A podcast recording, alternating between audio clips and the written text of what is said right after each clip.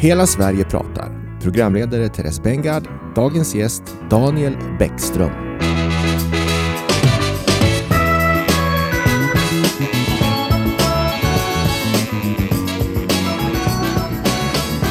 Då eh, säger jag så här. Hej Daniel från Centerpartiet och välkommen till Hela Sverige pratar-podden. Det här är ju några specialavsnitt som vi gör Eh, utifrån att det är valår men också med anledning av att alla riksdagspartier kommer till vår landsbygdsriksdag den 21 maj eh, och ska prata om landsbygdspolitik där. Eh, och det här är också ett slags uppsnack inför det, för det är ju kan kanske ses som ett komplement för det är svårt att förklara komplexa politiska idéer och sammanhang på kort tid. Och idag har vi faktiskt lite längre tid på oss. Det är ju er partiledare Annie Lööf som kommer till landsbygdsriksdagen men hon hade inte möjlighet att vara med i podden så då får du hoppa in och det kommer bli ett jättebra samtal, jag är övertygad om. Du är ju Centerpartiets landsbygdspolitiska och försvarspolitiska talesperson och även riksdagsledamot från Värmlands län. Eh, jag tänkte då ändå att vi börjar med en kort presentation. Vem är du och hur kom det sig att du började med politik? Tack för möjligheten att få vara med och eh, det här är ju frågor som är orsak till att jag är engagerad i politiken och har varit det sedan 90-talet när jag var yngre. Eh, och jag bor ute i, i Säfflebygden i Tveta socken i Vickersrud. Eh, ungefär ja, närmare en och en halv, två mil ifrån Säffle. Där bor jag, där jag är uppväxt och där bor jag i ett i ett, ja, på en lite mindre gård där tidigare släktled har verkat tidigare och jag har tre nordsvenska arbetshästar och en jämthund och en strävårdstax. och brukar vara mycket i skog och mark och jagar en hel del men också växt upp utifrån de förutsättningar som är hemma med, med byn och med jordbrukande i min fars föräldragård som nära släktingar har drivit under många år. Eh, och, och, vi vet också hur landet liksom ska brukas på olika sätt, så det är en del av livet. Eh, och sen också då att, att, att eh, få bo kvar där ute och, och verka mycket praktiskt när man har de möjligheterna är ett väldigt gott komplement till och väldigt nödvändigt för mig när man ska fungera som förtroendevald i de politiska sammanhangen. Tidigare så var jag kommunpolitiker då i, i Säffle. Eh, först i nämndpolitiska sammanhang med miljö och räddningstjänstfrågor. Och sen blev jag med i kommunstyrelsen och eh, så småningom också som 29-åring eh, kommunstyrelseordförande i, i Säffle. Och det är ju en, en bygd som, som vi har sedan 1967 haft kommunalrådsposten i god samverkan med, med andra borgerliga partier men också en god konstruktiv anda i kommunen. Eh, och eh, jag var kommunalråd i närmare nio år innan jag så småningom blev riksdagsman. Och eh, det var 2014. Och mm, under hela det politiska arbetet hemma i Säffle så, så handlar det väldigt mycket om att få till en positiv befolkningsutveckling med fokus både på landsbygd, hela kommunen, ytterområden om man säger så eller centrum periferi har ju varit frågor som många diskuterat. Jag kan också nämna det att jag har läst en del statskunskap och eh, har den parallella bakgrunden. Eh, en hel del kopplingar där. Eh, och ehm, samarbetet med företag och med byarörelsen, utvecklingsgrupper, kommunbygderådet som vi hade regelbundet där vi träffade representanter för alla socknar det var väldigt viktigt för mig för att få bra ingångar i hur vi ska tänka som kommun och också i vår gemensamma översiktsplanering. Under de här åren så var vi rätt tidiga med att hitta ett koncept för att bygga bredband i Säffle på landsbygden och vi fick, det är snart 15 år sedan, eh, fick en väldigt fantastisk eh, god anda så att det bildades så många fiberföreningar så vi täckte hela landsbygden med bredband och lyckades hitta också ett samarbete som öppnade upp för nya frågor att jobba med och, och också ett tänkande i kommunen där man, där man får hitta lösningar tillsammans med det lokala och eh, aktörer ute i bygderna för att hitta framtidens lösningar. Och det är den typen av frågor som, som är väldigt spännande att jobba med där man kan hitta win-win lösningar och där också det offentliga får vara med och lyssna in vad de privata initiativen kan innebära och leda till. Bredbandsprojektet var ett sånt, men också andra lösningar med service i skolor och, och friskolelösningar eh, med bygdekontor, eh, seniorboenden där kommunen gick in med borgensåtagande för att underlätta i byggprocessen. Men att hitta de här helhetslösningarna för en, en bygd i en ny tid där många kanske känner att att eh, en del prioriterar städer och, och centraliserar politiken och inte minst när det handlar om ekonomiska besparingstider. Eh, så mycket av de här frågorna har jag jobbat med lokalt och det är också en del av mitt starka personliga driv att, att se till att vi får en lokal utveckling och då är det ju spännande och intressant och också viktigt i den här tiden att få, få fortsätta det engagemanget i, i ett riksperspektiv som landsbygdspolitisk talesperson. Mm. Precis, eh, det låter ju som att du har rätt bakgrund för uppdraget om man säger så. Ehm, eh, tycker du att Eh, den här kombinationen som du har, landsbygdspolitisk talesperson och eh, i kombination med försvarspolitik, kanske är väldigt aktuellt just nu. Eh, är det en bra, en bra kombination? Ja, jag började ju med försvarspolitiken 2014 och och har eh, arbetat nära både försvarsminister och, och andra departement eh, i de här totalförsvarsfrågorna och det ligger ju väldigt mycket beredskapsperspektiv, hur man kan minska sårbarheter med, vi har så storskaliga centralistiska lösningar på många håll och vi, det, det, är inte bra utifrån ett säkerhetsperspektiv tänker jag och heller inte utifrån ett hela landet perspektiv. Och det, det ligger väldigt nära varandra, totalförsvarsplanering och robusthet. Eh, det, det man kan göra för att möta ett väpnat angrepp är också bra för krisberedskapen och för elförsörjning och vattenförsörjning och, och, och småskaligheten och, och, livsmedelsfrågorna inte minst då där det är oerhört stora utmaningar just nu för svenskt jordbruk eh, är ju också en del i totalförsvaret. Alltså vår säkerhet gagnas av att vi har en god försörjningsförmåga och möjlighet att producera livsmedel och då måste vi också ha ett starkt och utvecklat jordbruk kvar på hemmaplan. Mm. Eh, eh, ni har ju också ett landsbygdspolitiskt program. Hur, hur har ni jobbat fram det i, i ert parti? Ja, men det är viktigt att det finns en, en stark koppling till eh, det lokala engagemanget i hela rörelsen och arbetsgrupper har varit med och processat fram de ställningstaganden som som vi har tagit på partistämmor och, och också då eh, prioriteringar för vad som bör göras på landsbygdssidan och också i hela landet-perspektivet. Och det är helt avgörande att vi har den typen av arbetsprocesser så att delaktighet och också möjlighet att konkret påverka som medlem och aktiv runt om i landet. Mm. Eh, då tänker jag att vi ska gå in mer på det också. Kan, skulle du kunna beskriva lite grann hur er landsbygdspolitik ser ut? Eh, jag har ju såklart läst ert program och så vidare, men jag tänker att, att våra lyssnare kanske inte har gjort det. Så att, kan du i, i korta eller halvlånga drag beskriva hur er landsbygdspolitik ser ut? Men det är en intressant och, och, och, och intressant tid på många sätt utifrån ett, ett landsbygdspolitiskt perspektiv.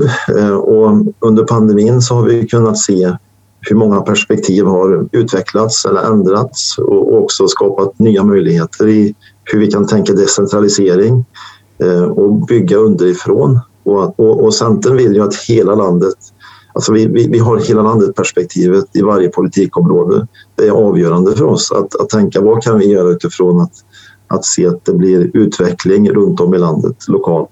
Eh, och det ligger ju fokus givetvis på att det ska finnas arbetstillfällen, jobb, men också ett entreprenörskap som utvecklas och ett entreprenörskap som är, är, är fritt att utvecklas. Ehm, och, och det, det, är oerhört viktigt för landsbygden att de entreprenöriella idéer och, och, tankar får förverkligas för det skapar nya möjligheter. Och just nu så ser vi ju att, att det är väldigt många stora investeringar och etableringar runt om i landet som kommer ge många jobb men också bidra till svensk omställning eh, och hållbarhet. Eh, och det tycker jag är fantastiskt att, att se vad som händer, och inte minst i Norrland men även på andra ställen. Det är gigantiska etableringar och om man tänker tillbaka några år och funderar på kunde man förutse detta?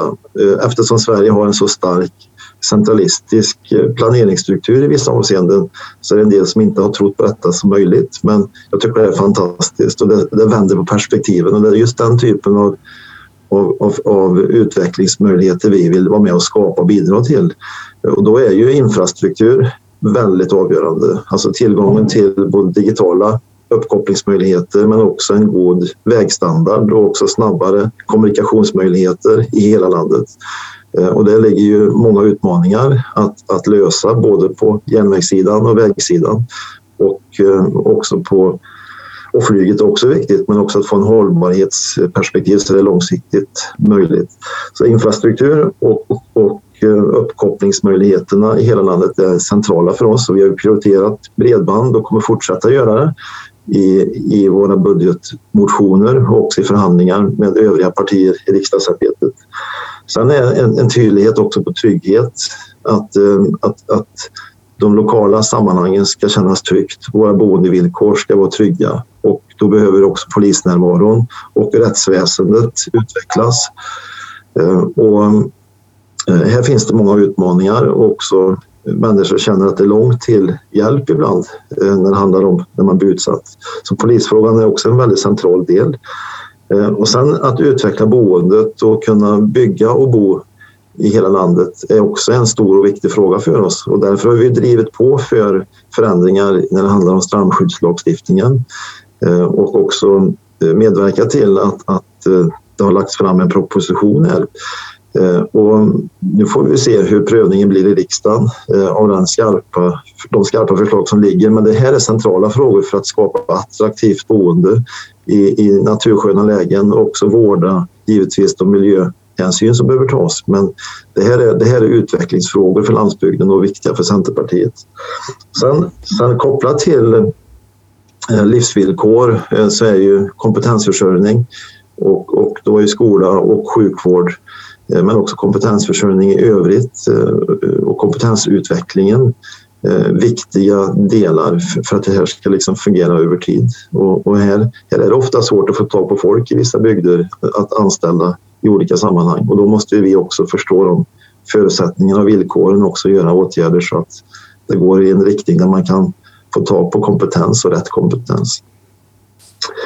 Eh, ja, det är några perspektiv, men, det här med omställning och, och kopplat till försvar i det här läget att, att att det är kärnfrågor för oss att producera vår egen energi, att utveckla energisystemen mot ett hållbart eh, sätt, att få mer elproduktion och göra det på ett sätt så att, att, att det skapar möjligheter också i hela landet. Det är viktigt eh, och, och inte minst utifrån ett omvärldsberoende att, att minska det och, och säkra upp så vi får en försörjningstrygghet så mycket det går på hemmaplan.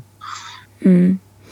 Eh, du har ju varit inne egentligen på, på mycket, men jag tänker att om du skulle beskriva, utan att då behöva ta hänsyn till olika politiska majoriteter, eh, ert framtida Sverige. Hur, hur ser det samhället ut om man tänker relationen mellan städer och landsbygder och, och organiseringen? Vad är, vad är er vision för det, den svenska landsbygden i framtiden? Jag brukar tänka så här att, att eh, att kunna verka var som helst i hela landet eh, på en global arena. Alltså vi, vi, vi, behöver bryta en del strukturer och system och, och, det är klart att, att en vision för mig det är ju att ha ett modernt decentraliserat samhälle som utgår från vart människorna finns eh, och inte hur stadsstrukturen har utvecklats. Och, och mm, att det är utan regelkrångel att det går smidigt, att eh, det är tryggt och att det är eh, en trivsamhet och en framtidstro i varje bygd, också bland människor. Det är en, en framtidstro och en syn på livet som är positiv i grundsynen och att man ser möjligheter. Det är någonting som vi verkligen strävar efter. Och också där man gör saker gemensamt, det offentliga och privata och hittar lösningar eh, som också Eh, inte begränsas av de byråkratiska systemen utan, utan också kan vara med och påverka med regelverken så att det skapar lättare möjligheter för att hitta de här praktiska lösningarna. Ehm, och, sen givetvis så, så, är det ju hållbarhet, eh, ett, ett klimatsmart samhälle men också en småskalighet som är ett stärkt lokalsamhälle. Det är, det är grunden för oss. Med öppna landskap men också en djurhållning som utvecklas ehm, och också en, en, en, ett liv där, där man kan må bra på många olika sätt och känna balans i tillvaron. Mm. Um, jag har ju läst alla partiers landsbygdspolitiska program och de Ibland ska jag erkänna att jag tycker att de är lite snarlika varandra. Det är någorlunda samma saker man pratar om, även det du pratar om nu med infrastruktur och service och vård och varg ibland och gröna näringar och så vidare. Hur, hur kommer det sig att det är så svårt att just genomföra den politiken? Vi, vi känner inte alltid att, du vet, så här, att man får genomslag och att det blir de här reformerna, utan det är mycket eh, tankar kring det, men kanske inte riktigt att man genomför det i verkligheten. Vad, och jag kan tänka mig att du som har en bakgrund du har också kanske upplever till viss del den delen. Men vad, vad sitter det fast i på något vis?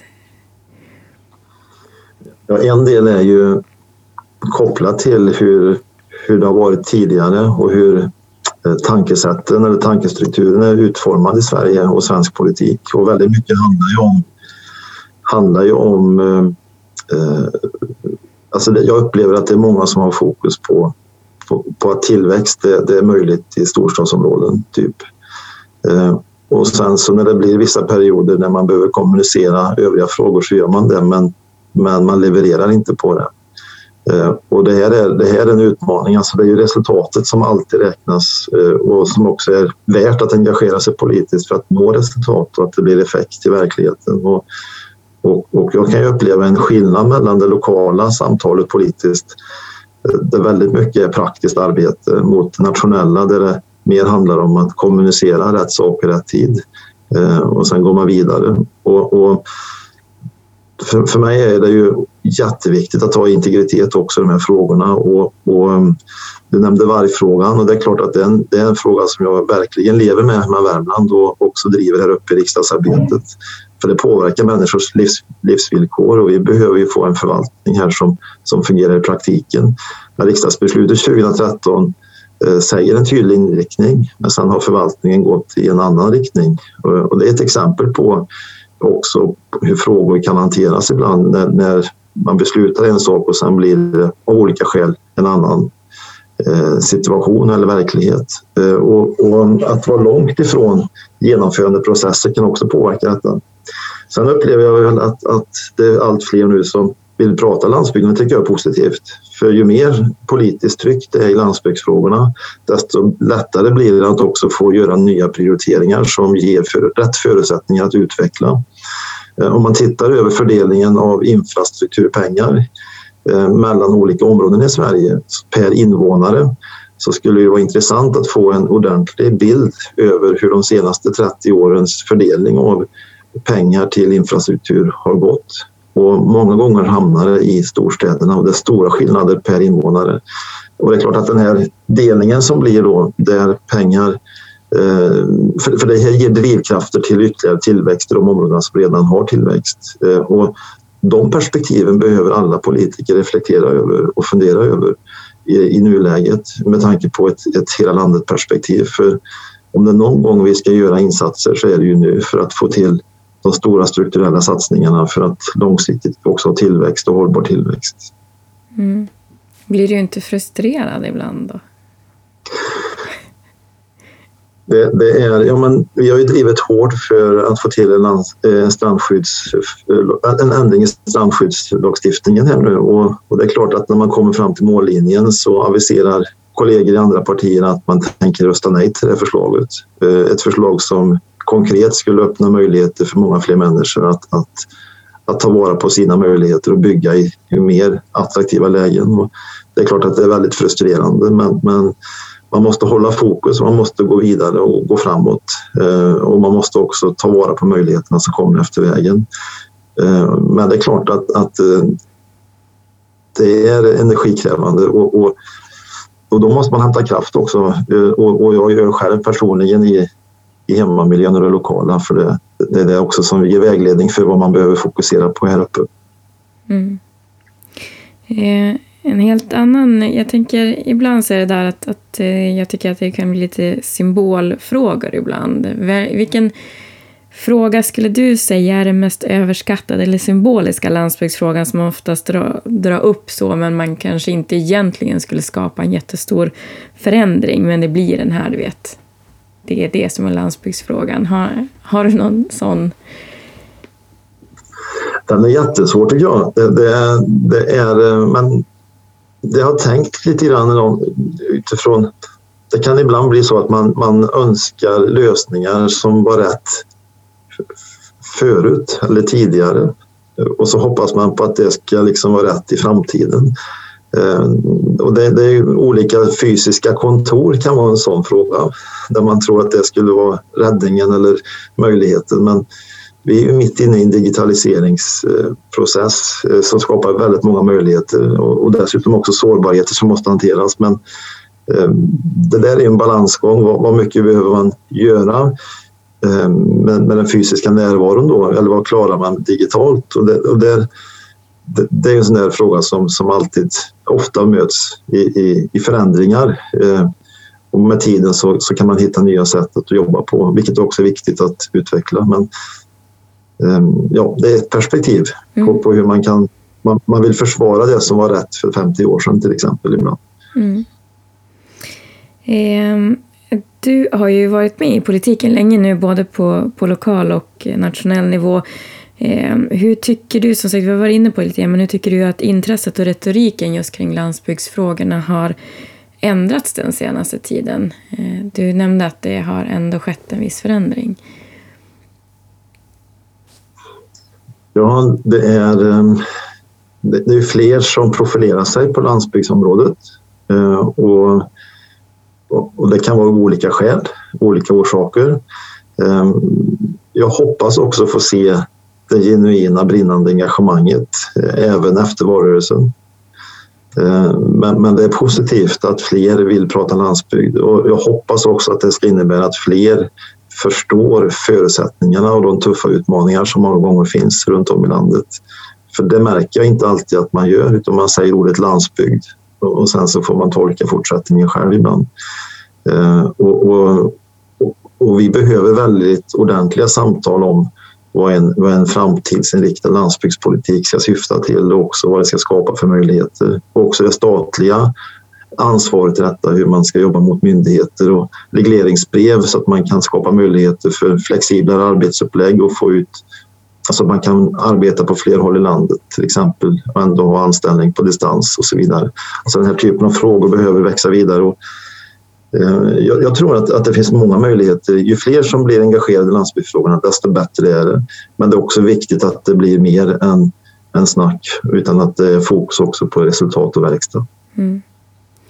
Eh, jag tänkte, kan du ibland uppleva att du har mer gemensamt med andra landsbygdspolitiska talespersoner och de som driver det i andra partier än, än vad man har i sitt eget parti ibland som driver andra. Förstår du vad jag menar? Att, att det kan finnas att oavsett parti så har man väldigt mycket gemensamt med dem som brinner för de frågorna.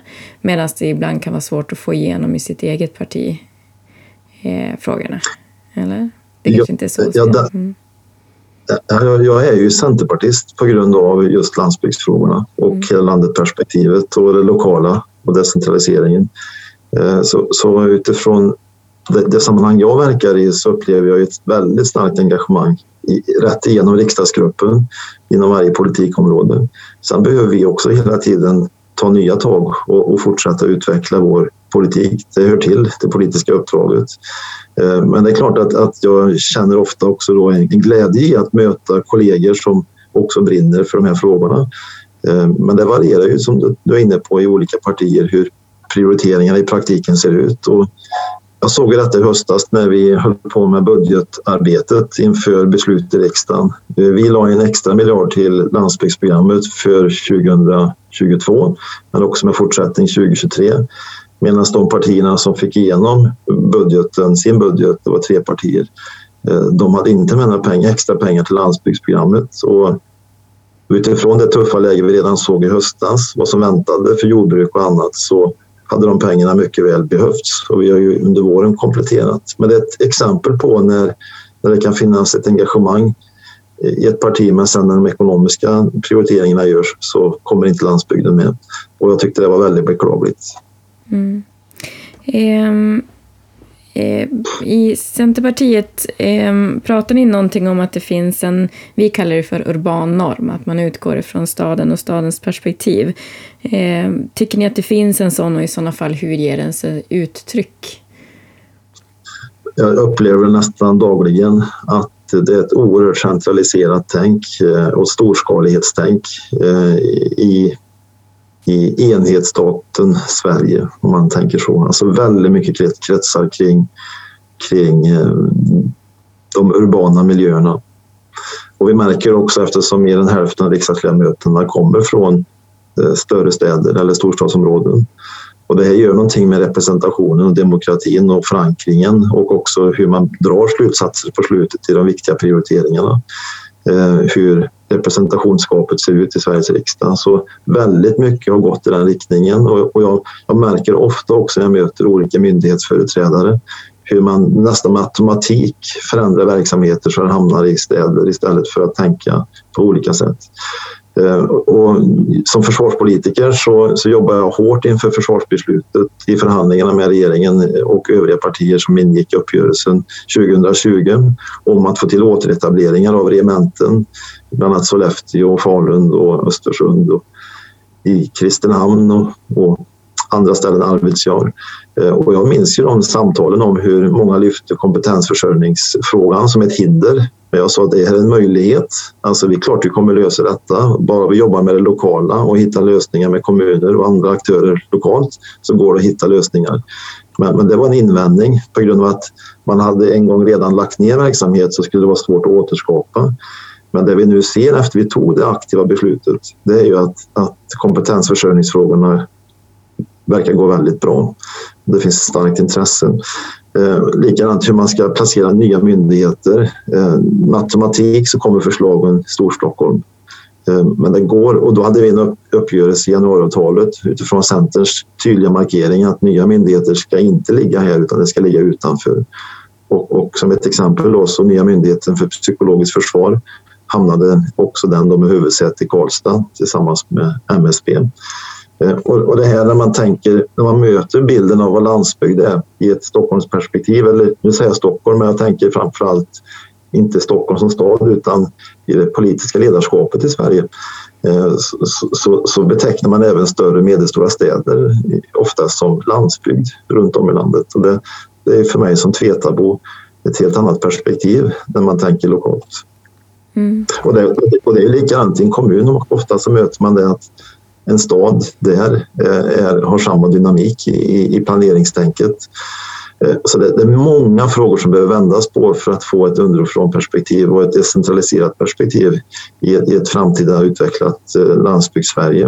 Och, och det, då behöver myndigheten också ha en tydlig styrning i de här riktningarna. Och det är inte bara ett departement utan det är genomgripande. Mm. Tror du att det går att ändra på? Tror du att man kan få en balans? Ja, men det händer ju så mycket nu som ändå, som ändå ger en riktning om att, att det går att, att se utveckling på många håll och, och det satsas och investeras. Och, och, men det är klart att, att eh, man måste ligga på och fortsätta de här samtalen politiskt för att, för att verkligen få genomslag. Jag tror att det går, men det kommer kräva mycket arbete och det, är inte, det, det löser sig inte självt utan det krävs ett samlat ledarskap som genomsyras av hela landet-perspektivet. Mm. Eh, det är ju valrörelsen har som dragit igång kan man säga. Och eh, tänker att om du har något så här veckans tips, vilken fråga tror du kommer att vara het i årets valrörelse?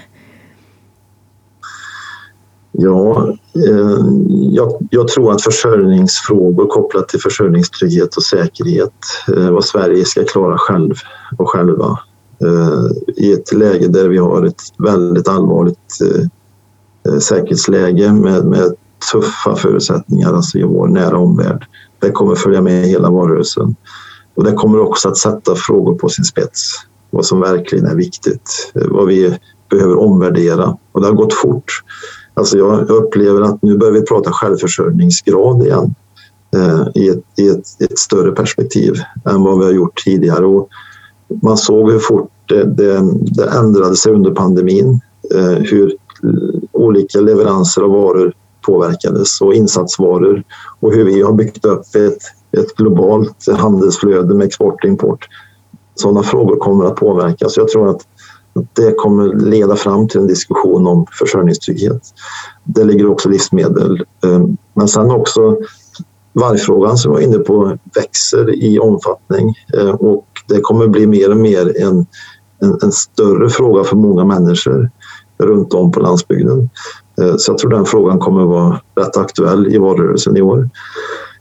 Sen är, sen är den samlade ekonomin eh, och, och världsekonomin men också vår nationella ekonomi i, i ett eh, omvärldsperspektiv en, en, stor fråga just nu, vart det här kommer ta vägen.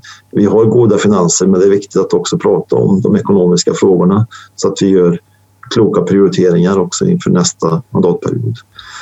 Eh, och sen hoppas jag ju att infrastruktur, även om många, många eh, betar av den typen av frågor, blir viktiga i, i också ett valperspektiv. Um, ehm, och, och, och sen också då Ja, det är, ju, det är ju den stora frågan om integration och, och, och arbetstillfällen och företagande och jobbskapande insatser som, som jag hoppas också blir fokus på.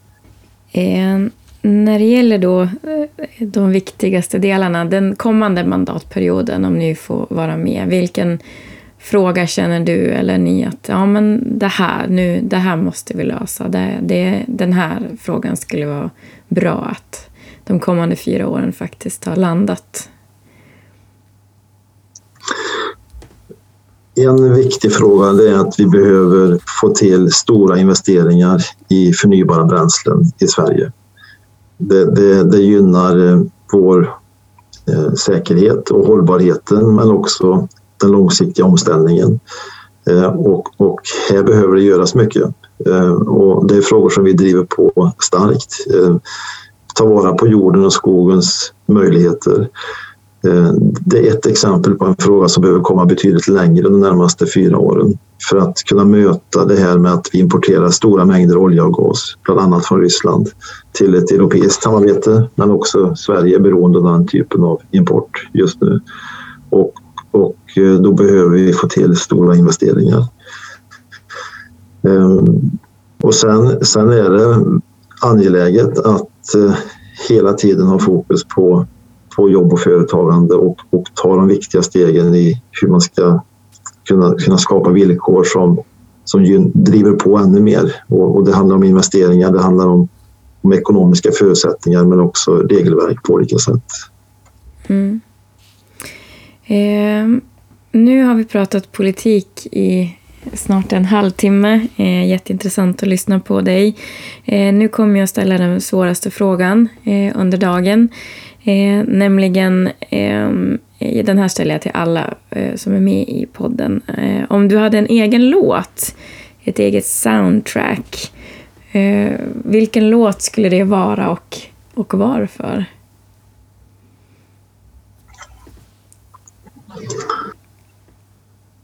Jag älskar ju country. Så eh, någon eh, countrylåt eh, med Värmlandskoppling hade ju varit något att önska. Sen har jag inte en exakt titel på denna, men eh, då går jag igång. Ja, eh, värmländsk country helt enkelt. Det, det är det som går. Ja, nej men det... Ja, utan att känna dig så tänker jag att det känns som du så. Um, med det så vill jag tacka dig Daniel och Centerpartiet för att ni kom och medverkade i Hela Sverige pratar-podden. Eh, det här är som sagt en serie som vi gör med alla riksdagspartier om just deras landsbygdspolitik. Eh, och vi kommer såklart lägga ut ert eh, valprogram också på vår hemsida helasverige.se. Och ni som lyssnar får gärna kommentera eller komplettera och ställa frågor. Och det gör ni i våra sociala medier där vi heter Hela Sverige på alla plattformar. Eller så kan ni ju mejla till podden att helasverige.se. Jag som programledare den här podden heter Therese Bengard och har förmånen att även driva riksorganisationen Hela Sverige ska leva. Och jag hoppas såklart att vi ses på Landsbygdsriksdagen också. Kommer du dit? Ja, vad bra. Eh, den 20 till 22 maj i Jönköping, då ses vi där. Tills dess säger jag tack och på återhörande. Tack så mycket.